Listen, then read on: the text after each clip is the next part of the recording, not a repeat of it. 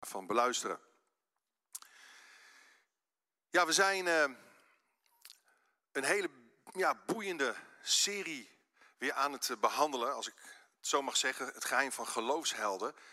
En we kunnen ontzettend veel leren. Van mensen, personages, verhalen uit Oude Testament van mensen die door God zijn gebruikt. En God wil ons allemaal gebruiken. God wil ook jou gebruiken. Hij heeft ook een plan voor jouw leven. Vandaag gaan we het hebben en gaan we inzoomen op het leven van Jona. En eh, degene die uh, ja, op school, de basisschool misschien, gezeten, christelijke basisschool gezeten heeft of eh, in een kerk is opgegroeid. Ik denk dat de meeste mensen wel gehoord hebben van Jona in de walvis. Nou, of het een walvis was, dat weten we niet. Zeker, in ieder geval was het een vis, een grote vis. Maar heel veel mensen kennen dat verhaal wel. En als je het niet kent, dan, uh, nou, dan leer je het vandaag kennen. Er zijn namelijk een aantal symptomen die het geloofsleven van Jona kenmerken en beschrijven. Symptomen zijn aanwijzers. Ze geven iets aan. Ze dragen iets over. En het boek Jona kan helpen om symptomen van onverschilligheid en misschien wel afstandelijkheid, een bepaalde mate van reserve naar mensen om ons heen te ontdekken in ons leven. En daarom is het zo belangrijk. Het boek kan namelijk als een evaluatietest voor compassie of bewogenheid gebruikt worden. Want voordat Jona in de buik van een vis terechtkomt, is er namelijk een keuze die hij maakt. Jona deserteert, als het ware, uit het leger van God. Hij deserteert van een duidelijke opdracht en roeping die God op zijn leven had gelegd. Hij vlucht in een tegenovergestelde richting aan die welke God hem wijst. En als het hem niet lukt om van die opdracht af te komen, probeert hij ook zelfs God naar zijn hand te zetten. Probeert hij God te manipuleren. Hij, hij is misschien wel in heel veel opzichten heel herkenbaar voor ons. Maar we zien in het verhaal, door het hele verhaal heen, het zijn maar vier hoofdstukken. Uh, hij behoort tot de kleine profeten. Maar we zien dat God hem blijft opzoeken. Dat God aan hem eh, trekt. Dat, dat, dat hij alles doet om Jona de juiste richting, de juiste kant op te krijgen. God geeft namelijk niet op. Als wij opgeven, God geeft ons niet op. En, en Jona, voor alle duidelijkheid, was geen mythisch figuur. Geen fictief figuur. Hij was echt. Hij heeft echt bestaan. Het is echt gebeurd wat we lezen in de Bijbel. Zijn opdracht was echt. Zijn, wat hem overkwam was echt. We lezen Jona 1, vers 1, lees je mee. Het woord des Heren kwam tot Jona. Ik vind dat een mooie vertaling. Het woord van God kwam tot Jona. God richtte zich tot hem, de zoon van Amitai. Maak u op, zei God. Ga naar Nineveh de grote stad en predik tegen haar, want haar boosheid, haar kwaadheid als het ware, is opgestegen voor mijn aangezicht. En God wilde die stad, Nineveh, een kans geven. Dus Jona was een, een concreet figuur in de Bijbelse geschiedenis. Hij moest een heel concreet plan van God uitvoeren. En misschien denk je bij jezelf, ja maar hoe kan een mens nu drie dagen lang in de buik van een walvis of van een vis kunnen leven en overleven. Nou, het blijkt uit historische gegevens dat meerdere keren mensen levend uit een vis gekomen zijn of gespuugd zijn.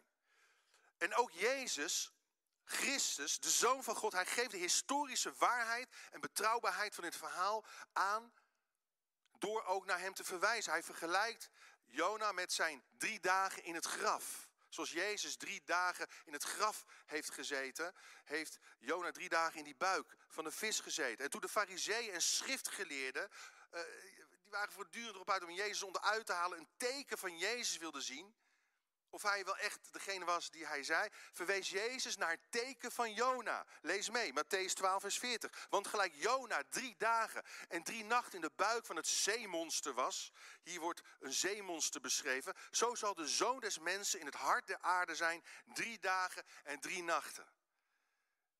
En hij verwees natuurlijk naar zijn dood aan het kruis, zijn begraven worden in het graf, maar ook weer natuurlijk naar zijn opstanding. Nou, waar, waar sloeg dat teken op? De mannen van Nineveh hebben zich uiteindelijk dus, de mensen daar, bekeerd op de prediking van Jona. En Jezus zegt eigenlijk hier in de context, zij zullen in het oordeel op gaan staan om over de fariseeërs en schriftgeleerden te oordelen die de boodschap van Jezus niet hebben geaccepteerd. Want, zegt Jezus, meer dan Jona is hier. En ze hebben Jezus niet aangenomen. Het punt is dit. Jezus bevestigt hiermee de onvervalste waarheid van Jona in een vis. Hij moest zijn boodschap, Jona, richten tot de Assyriërs. En, en de Assyriërs, die, die werden gezien op dat moment als, als een wereldmacht in die tijd. En Nineveh was de hoofdstad. Het was van oudsher, heel belangrijk om te weten, de aardsvijand van Israël. Ze waren vreed, ze waren meedogenloos. Ze waren meedogenloos en, en Jona krijgt juist van God de opdracht om naar hen toe te gaan. De vijand van Israël. Om daar een boodschap van bekering te preken op grond van Gods genade. Laten we dat niet vergeten. En wat was zijn reactie? Lees mee. Jona, hij maakte zich gereed. Ik denk, oh, dat gaat de goede kant op. Nee. Maar hij vluchtte naar Tarsis. Weg van de Heer. In tegenovergestelde richting van waar hij naartoe moest gaan. En hij vond er een schip. Hij betaalde de overtocht en ging aan boord opnieuw weg van de Heer. Weg van de Heer. Nu dan, wat stond Jona eigenlijk in de weg? Welke symptomen kenmerken de onverschilligheid en liefdeloosheid van Jona? En wat, kan het ons, wat heeft het ons te zeggen? Natuurlijk gaan we ook kijken naar zijn geheim. Wat was zijn geheim? Om uiteindelijk alsnog uit die buik van die vis gered te worden. En te gaan daar waar, je, waar God hem opdroeg te gaan. Allereerst, wat kunnen we leren? Vlucht niet weg van God, maar zoek bij God je toevlucht. Vlucht niet weg, maar zoek je toevlucht bij God. Vluchten kan niet meer. Dat is ook een liedje van. Of je het nu leuk vindt of niet, God probeert er alles aan te doen om je te gebruiken voor zijn doeleinden. Dus wat kan ik hiervan leren? Ten eerste, Jona vluchtte van God weg in plaats van bij God zijn toevlucht te zoeken. Weet je, je kunt je voor God niet verschuilen. Je kunt geen verstoppertje spelen met God. En Jona probeerde eigenlijk het onmogelijke te doen. Er staat in Psalm 139, vers 7 iets heel moois. Daar zegt David, hoe zou ik aan uw aandacht ontsnappen? Hoe aan uw blikken ontkomen? Klom ik op naar de hemel, u tref ik daar aan. Uh, lag ik neer in het dodenrijk, u bent daar. Al verhief ik mij op de vleugels van de dageraad, al ging ik wonen voorbij de verste zee, ook daar zou uw hand mij leiden, zou uw rechterhand mij vasthouden. Het is onmogelijk om aan Gods aandacht te ontsnappen. En op zich had, had Jona best wel begrijpelijke bezwaren. Nogmaals, hij wist dat Nineveh de potentiële macht en kracht had om Israël, Gods volk, te vernietigen. Jona wist hoe barbaars ze waren, hoe immoreel ze waren, hoe goddeloos de Assyriërs waren. Gevangenen sleepten ze mee met vishaken aan neusgaten en oogleden. Mensen werden levend gevild en op palen gespietst. Nineveh stond bekend om haar afgoderij en bloeddorstige inwoners. Ja, geen wonder dat hij denkt van, daar ga ik niet heen. Bekijk het maar. Je kunt je voorstellen dat hij bang was voor dit volk. En angst is ook vaak een belemmering om je door God te laten gebruiken. Het is verlammend. Maar juist dan mogen we onze toevlucht en kracht in God zoeken. Er staat in Psalm 46, vers 2, God is onze toevlucht. Hij geeft ons kracht. In de grootste nood heeft Hij ons geholpen. Daarom kennen wij geen angst. Al beefde de aarde, al verzinken de bergen in zee. Maar Jona, hij moet bij zichzelf gedacht hebben. Die mensen daar, in Assyrië, verdienen Gods oordeel. Ze verdienen helemaal geen genade. Ze verdienen geen barmhartig God die naar ze omziet. Laat ze barsten of branden. En misschien stond zijn nationale of religieuze trots hem in de weg. Misschien had het te maken met een exclusieve levensinstelling, een clubjesgeest. Maar weet je wat je ook doet? Je kunt nooit om de missie van God heen. God blijft altijd op je huid zitten. Ook wij hebben een opdracht. Jezus zei: Jullie zullen mijn getuigen zijn. Over de hele aarde. Ga op weg en maak alle volken tot mijn leerlingen. Oh, gelijk God de Vader mij gezonden heeft, zend ik ook u. Dat zegt hij tegen niet alleen zijn discipelen, maar ook tegen ons in deze tijd.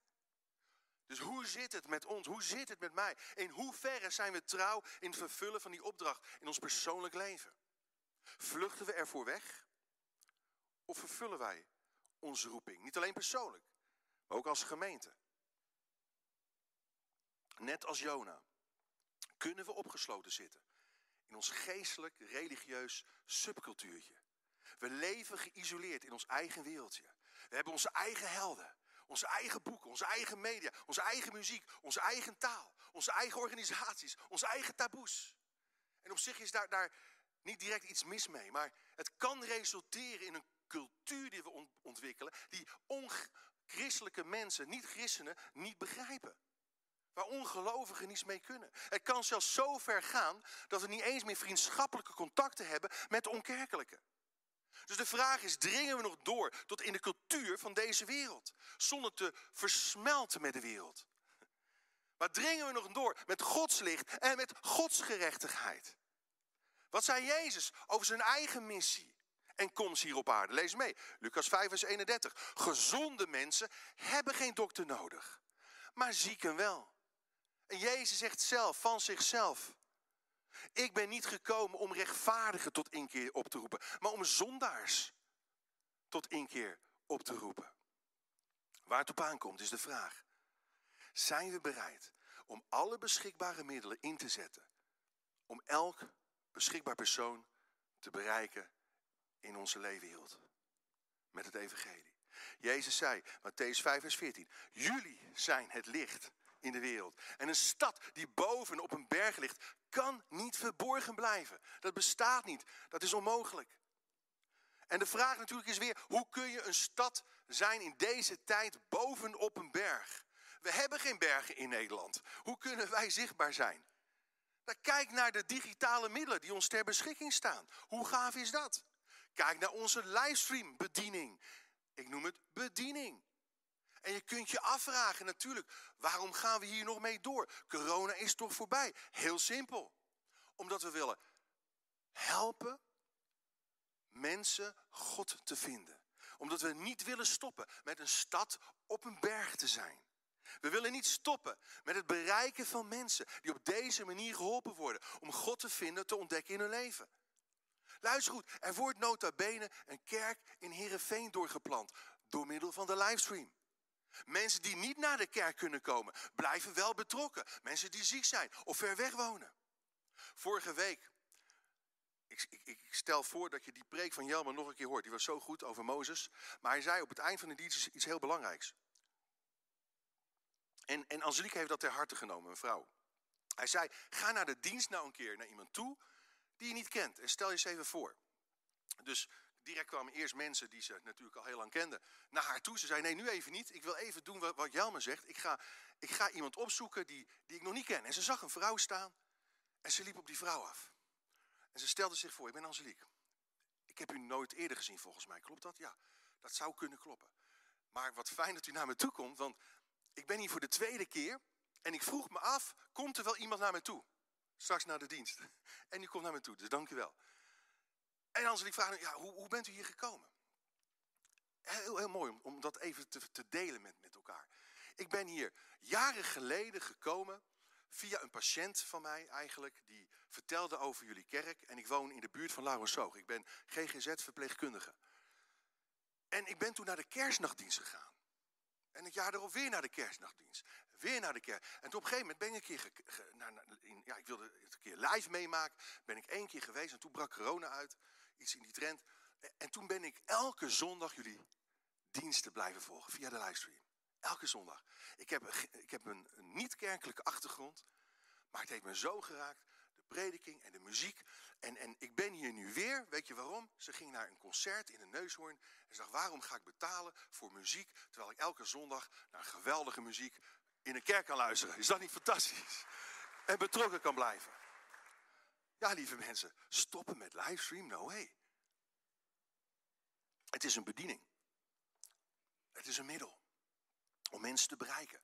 Dat, dat is ons hart, dat is mijn hart. En, en al zit het hier nog niet vol, na corona. Er zijn elke zondag, en dat loopt op in een week, wel een paar honderd views van mensen die gewoon wel thuis blijven kijken. En natuurlijk is het niet een vervanging, is het geen substituut van, van een live bijeenkomst, maar het is een middel, lieve mensen. En hoe vaak hoor ik wel niet dat mensen binnenkomen via de livestream? Ten tweede, wat kunnen we nog meer leren? Wees transparant zonder verborgen agenda. Wees transparant. Jona had een verborgen agenda toen hij aan boord van dat schip ging. Hij wilde van God wegvluchten. Terwijl hij een open boek had moeten zijn. Hij was een gelovige undercover agent. Hij maakte zich op om naar het westen te gaan, terwijl hij naar het oosten moest. Compleet de andere kant op. Lees mee, Jona 1 vers 4. Maar de Heer wierp een hevige storm op de zee en de zee werd zo wild dat het schip dreigde te breken. De zeelieden werden bang. Ieder riep tot zijn eigen God om hulp. Dat was nog niet de God Jaweh. Maar Jona was in het ruim van het schip afgedaald. Wat is hij gaan doen? Hij was daar gaan liggen.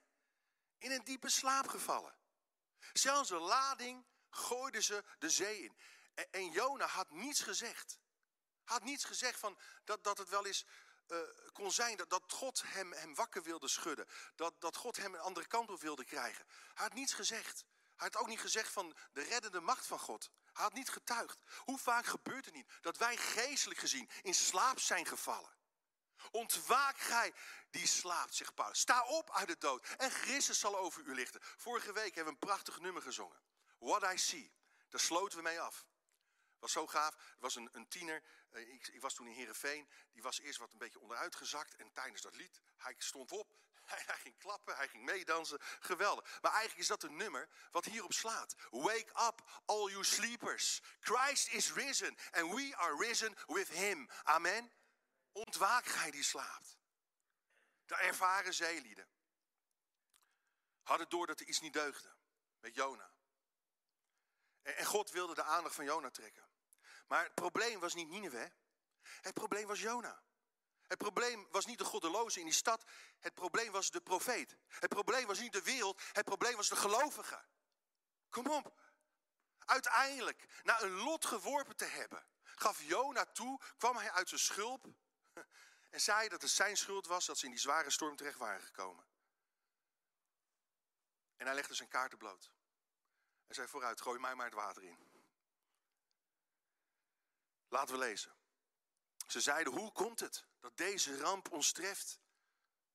Wat doe je hier aan boord? Waar kom je vandaan? Uit welk land kom je? Bij welk, hoor je? Eh, eh, welk volk hoor je? En Jona, hij antwoordde, ik ben een Hebreeër. Toen, toen gaf hij pas toe wie hij was. Ik ben een Hebreeër en ik vereer, ik aanbid God, Yahweh. De God van de hemel die de zee en het droge gemaakt heeft. En terwijl Jona, luister goed, al die tijd, tijdens die storm, voorbeden had kunnen doen voor de bemanning.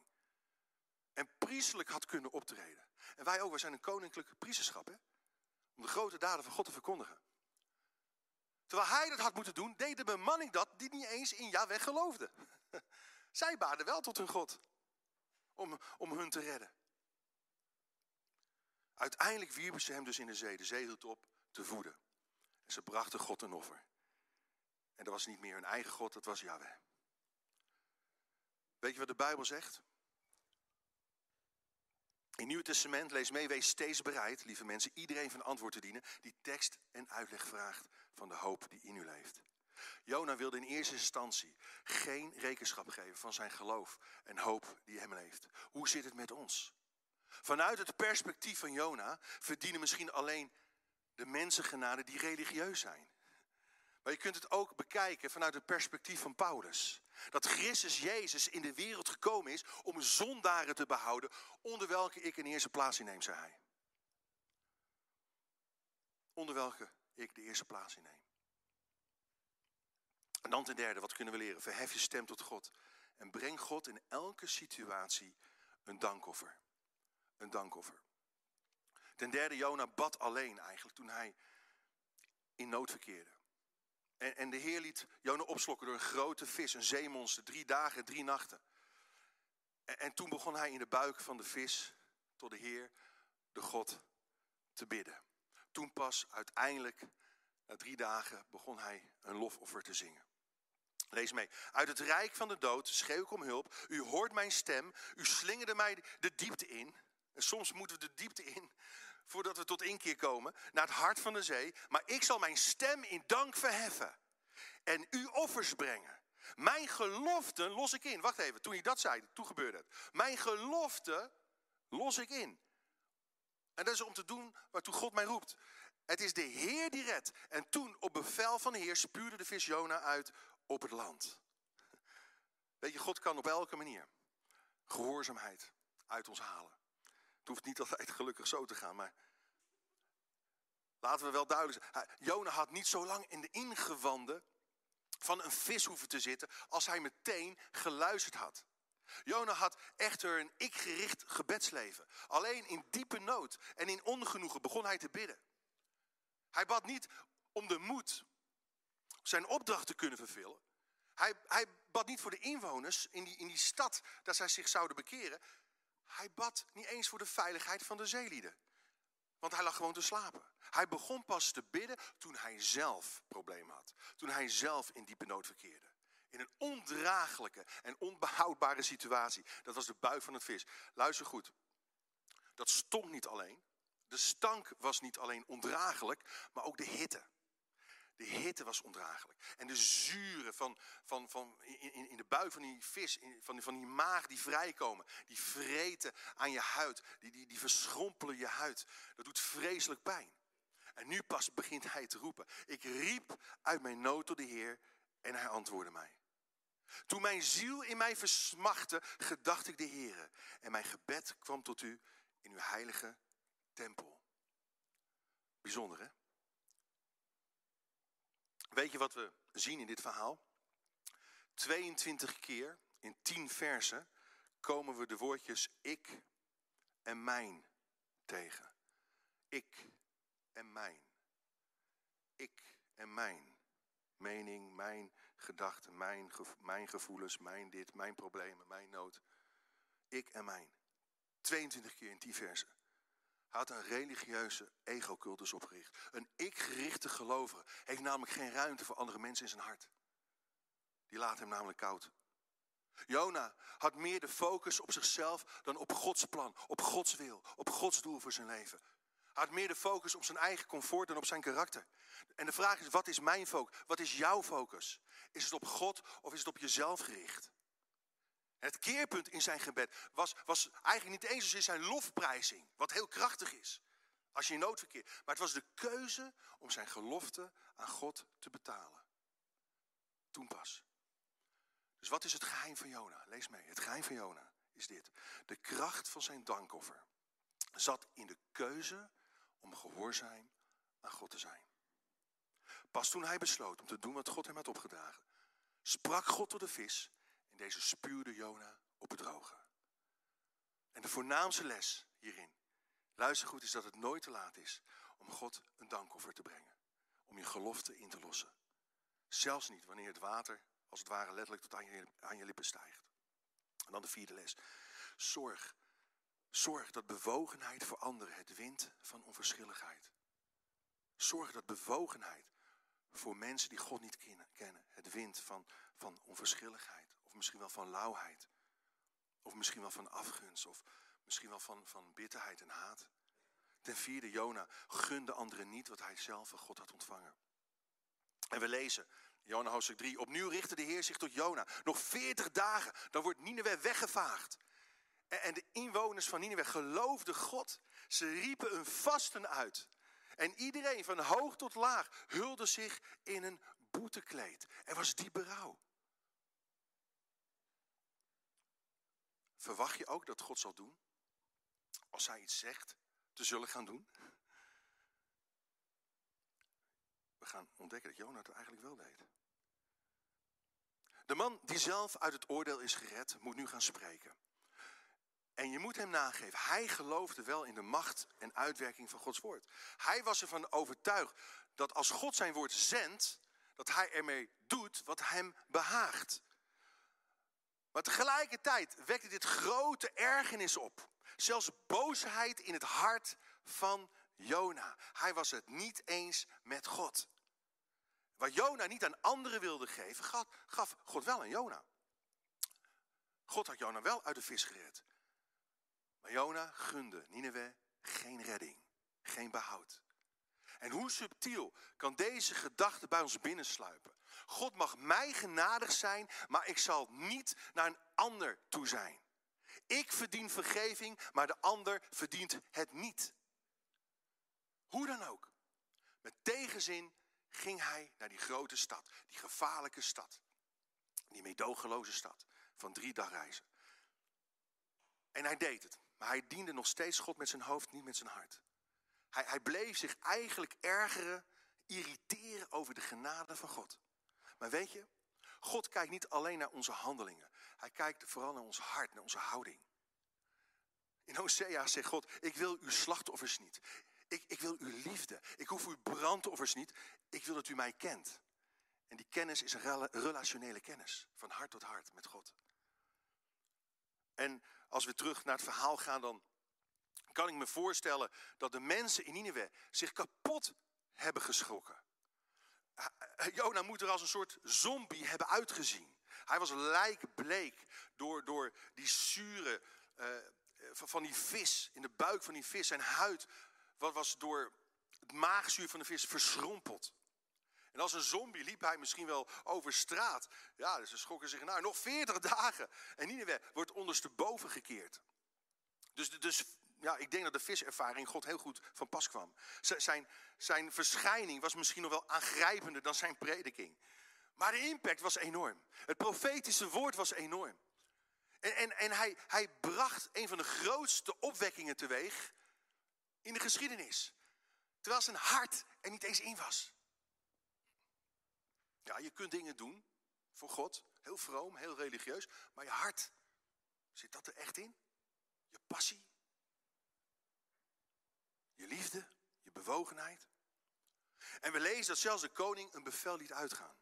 Iedereen, iedereen moet breken met onrecht en met het kwaad dat hij doet. En buiten bijbelse bronnen vertellen dat er in Assur omstreeks diezelfde tijd inderdaad een, een vaste is uitgeroepen dat wel honderd dagen lang moet hebben geduurd. En hier was Jona zo bang voor. Hier baalde Jona van. Nee toch? Lees mee, Jona 3 vers 8. Iedereen, mens en dier, moet zich hullen in een boetekleed en luidkeels God aanroepen. Laat iedereen breken met zijn kwalijke praktijken.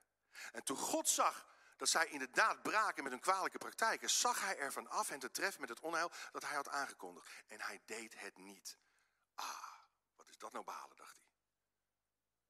Wat is dat nou balen? God, hier baal ik naar van. Nou, iedere prediker of evangelist zou een extase geweest zijn bij zo'n bij zo'n opwekking. Maar het mishaagde Jona. Hij wist namelijk dat God berouw zou hebben. Hij wist namelijk dat God zou vergeven. Dat God barmhartig zou zijn. En hij zegt, lees mee, ik wist het wel. Zegt hij letterlijk. Ik wist, u bent een God die genadig is en liefdevol. Geduldig en trouw. En tot vergeving bereid. En dan zegt hij dit. En hij zegt dat er twee keer in het verhaal. Laat mij maar sterven, heer. Ik ben liever dood dan dat ik zo verder moet leven. Maar de Heer zei, is het terecht dat je zo kwaad bent? Is het terecht? Is het terecht soms dat ik zo kwaad ben? Is het terecht dat ik me soms zo irriteer? Is het terecht dat ik, ik zo geërgerd ben? Is het terecht? Dan komen we tot het laatste punt. Stem je waardesysteem af op eeuwigheidswaarde. Altijd stem je waardesysteem af op eeuwigheidswaarde. Mijn mening, mijn visie, mijn gedachten onderwerp ik die aan Gods gedachten die hoger zijn. En Gods plannen die hoger zijn. Of wil ik me verheffen? Ten vijfde, Jona werd ondervraagd naar zijn waardesysteem. Hoe stellen we ons op? Luister, hoe stellen wij ons op? Tegenover onkerkelijke, tegenover buitens. Voelen we bewogenheid of voelen we ons bedreigd? Jona was buiten de stad gegaan en had zich letterlijk ten oosten van de stad neergezet. Waarom? Koppig bleef hij op afstand staan in de hoop dat God alsnog die stad zou verwoesten. Maar God gaat Jona confronteren met zichzelf. En soms moeten wij persoonlijk ook als gemeente even geconfronteerd worden met onszelf. Waarom ben je zo geërgerd? Nou, God wil goed zijn. Maar ook voor de mensen die jij niet mag. Ook voor de mensen waar jij een hekel aan hebt. Zelfs mensen die zich misschien vijandig gedragen. En ik zelf ook. Ik kan soms ook op ongelovigen ontzettend kwaad zijn. Voor bepaalde dingen die ze zeggen. Bepaalde dingen die ze doen. Ik kan boos zijn op politieke leiders in ons land. Wat een... Ja, geef die boeren eens ongelijk. Ja, is toch... Ja, ik ga geen politieke uitspraken doen. Ik kan, ik, ik, kan me daar kapot aan ergeren. Eh, wat, wat ze allemaal beslissen daar in, in Den Haag. Hoe zit het met jou? Hoe zit het met mij? De verloren zoon kwam thuis en wat zei de oudere broer? Een feest geven? Het gemeste kalf slachten? Toch niet voor die zoon van u? Die zoon van u? Zelf ingenomen en jaloers ging hij naar buiten. Net als Jona ging buiten de stad staan, wachten. Hij zette zichzelf buiten spel. hey, hoe zit het met jou en mij? God gaat Jona twee keer een vraag stellen. De Heer zei, is het terecht dat je zo boos bent, zo kwaad? En de eerste keer gaat het over de redding van duizenden mensenlevens. De tweede keer gaat het over de redding van een wonderboompje. Waarom doet God dat? Wat is de les?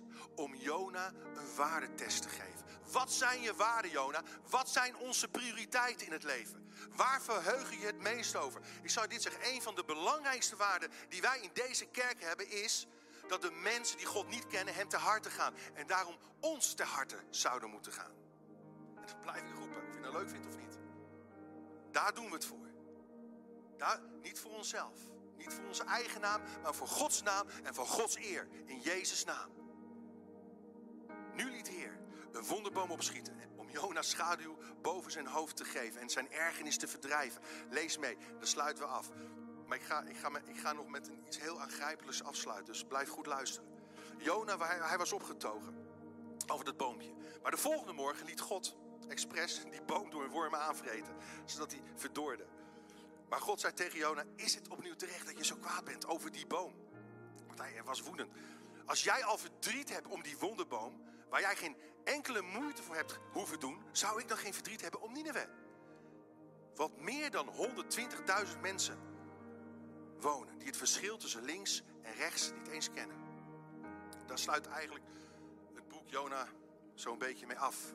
En dan is het een open vraag wat Jona ermee doet. Ik hou er wel van, een open vraag. Geen gesloten einde, maar een open einde. Wat, wat, wat, wat, wat gaat hij doen? Gaat hij veranderen of niet? We weten het niet. We weten het niet. Maar dit is de ontknoping, de grote les van deze geschiedenis. Eén boompje wilde Jona sparen, maar een half miljoen mensen en dieren konden wat hem betreft naar de hel lopen. Hij maakte zich meer druk om één boompje. En je kunt je heel druk maken om één dingetje. Ook in de kerk. Of één relatiedingetje. In je partner. Of wat dan ook. Maar waar is je compassie dan? De boom was maar van tijdelijke aard, de redding van mensenlevens van eeuwigheidswaarde. Luister. Luister. Is je boosheid, is je onverschilligheid of je lauwheid terecht? Ren je ook van God weg? Zwijg je misschien over God op momenten dat je moet spreken? Hou je je geloof voor jezelf of ben je bereid om uit te stappen voor gerechtigheid? Weet je wat God tegen zijn volk zei? Amos 5, vers 23. Bespaar mij het geluid van jullie liederen. Ik kan niet aanhoren. En God heeft niks tegen liederen, integendeel. Hij heeft bedacht dat we God hem aanbidden met, met prachtige muziek. En ook hier, ik geloof dat God ervan geniet, daar gaat niet om. Maar wacht even. Dat is heel belangrijk. Profetisch woord. Bespaar mij het geluid van jullie liederen. De klank van jullie harpen wil ik niet horen. Laat liever het recht stromen als water. En de gerechtigheid als een altijd voortvloeiende beek. Ik wil hiermee af, afsluiten.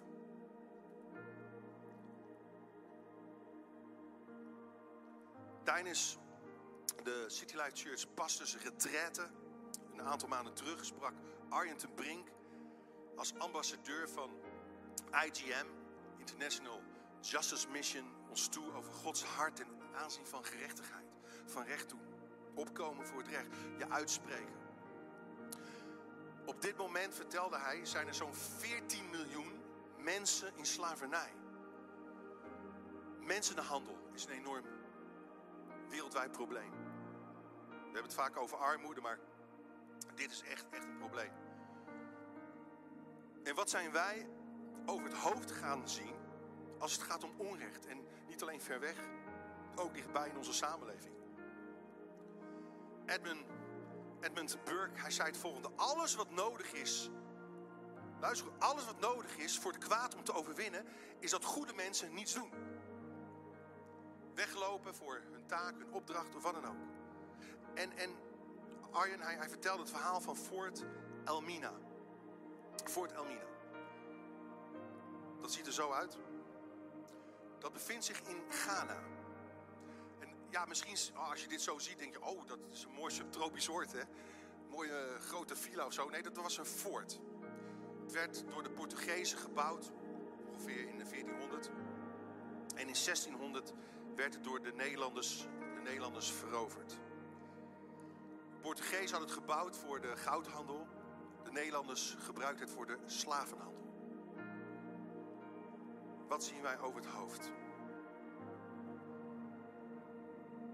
Dit is de plek waar tientallen jaren slaven wereldwijd werden verspreid over de hele wereld. Mensen werden daar in kerkers geworpen, zonder sanitaire voorzieningen, met temperaturen boven de 40 graden. De hitte was ondraaglijk. Luister goed, voordat de slaven werden verkocht, met schepen werden weggevoerd, werden ze gemarteld of verkracht en vernederd. De meest gruwelijke wandaden werden daar gepleegd. Het werd, werd gezien als de hel van Afrika. Het was een hel. Daarboven in het fort zie je een gebouwtje. Het was een Nederlands gereformeerde kerk gebouwd. En voor de ingang van de kerk was er een luchtgat als drempel waar de kerkgangers overheen moesten stappen om in de kerk te kunnen komen. Elke zondag honderden kerkgangers stapten over de drempel. Was een luchtgat. Zodat de slaven daar beneden nog een klein beetje lucht konden ontvangen. Boven de kansel stond de Heer is mijn herder. En daarbuiten stond Dutch Reformed Church.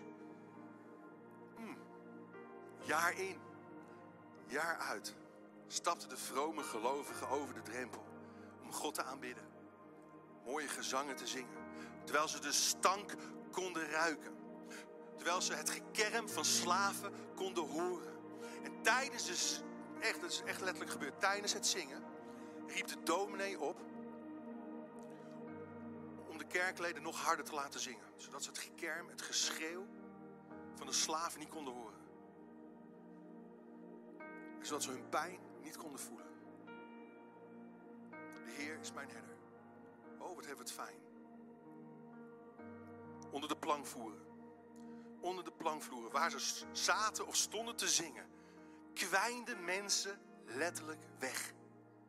Niemand die wat zei. Stappen eroverheen. Halleluja. Prijs de Heer. We zijn zo vroom hier. Zo geestelijk. Wat zien wij over het hoofd? Wat zien wij op dit moment over het hoofd? Niemand die toen wat zei. Niemand die toen wat deed. Geen enkele gelovige. Geen enkele christen. Waar stappen wij op dit moment overheen? Waar doen wij onze ogen voor dicht en sluiten wij onze ogen oren voor? Luister, welke waarden staan centraal in ons leven? Jezus zei dit. Gaat heen en leert. We moeten dus leren wat het betekent. Barmhartigheid wil ik en geen offeranden. Ik ben niet gekomen om rechtvaardigen te roepen, maar zondaars. Daarom doen we dingen die we doen. Zullen onze hoofden buigen, onze hart openen voor God. Onze, onze hoofden buigen, onze ogen sluiten.